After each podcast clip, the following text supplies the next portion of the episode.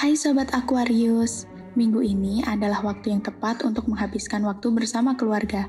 Kegiatan yang bisa dilakukan bersama dengan keluarga adalah salah satunya do grocery shopping.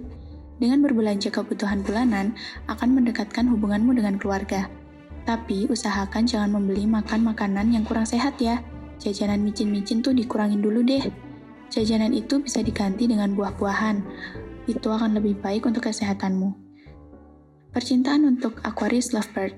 Mungkin minggu ini kamu akan menjadi lebih jealousy dari biasanya. Hal ini dikarenakan rasa rindumu yang tidak terbendung. Jika memang belum bisa bertemu, lakukan video call. Atau paling tidak tidak berhenti mengabari satu sama lain, agar tidak ada curiga di antara kalian.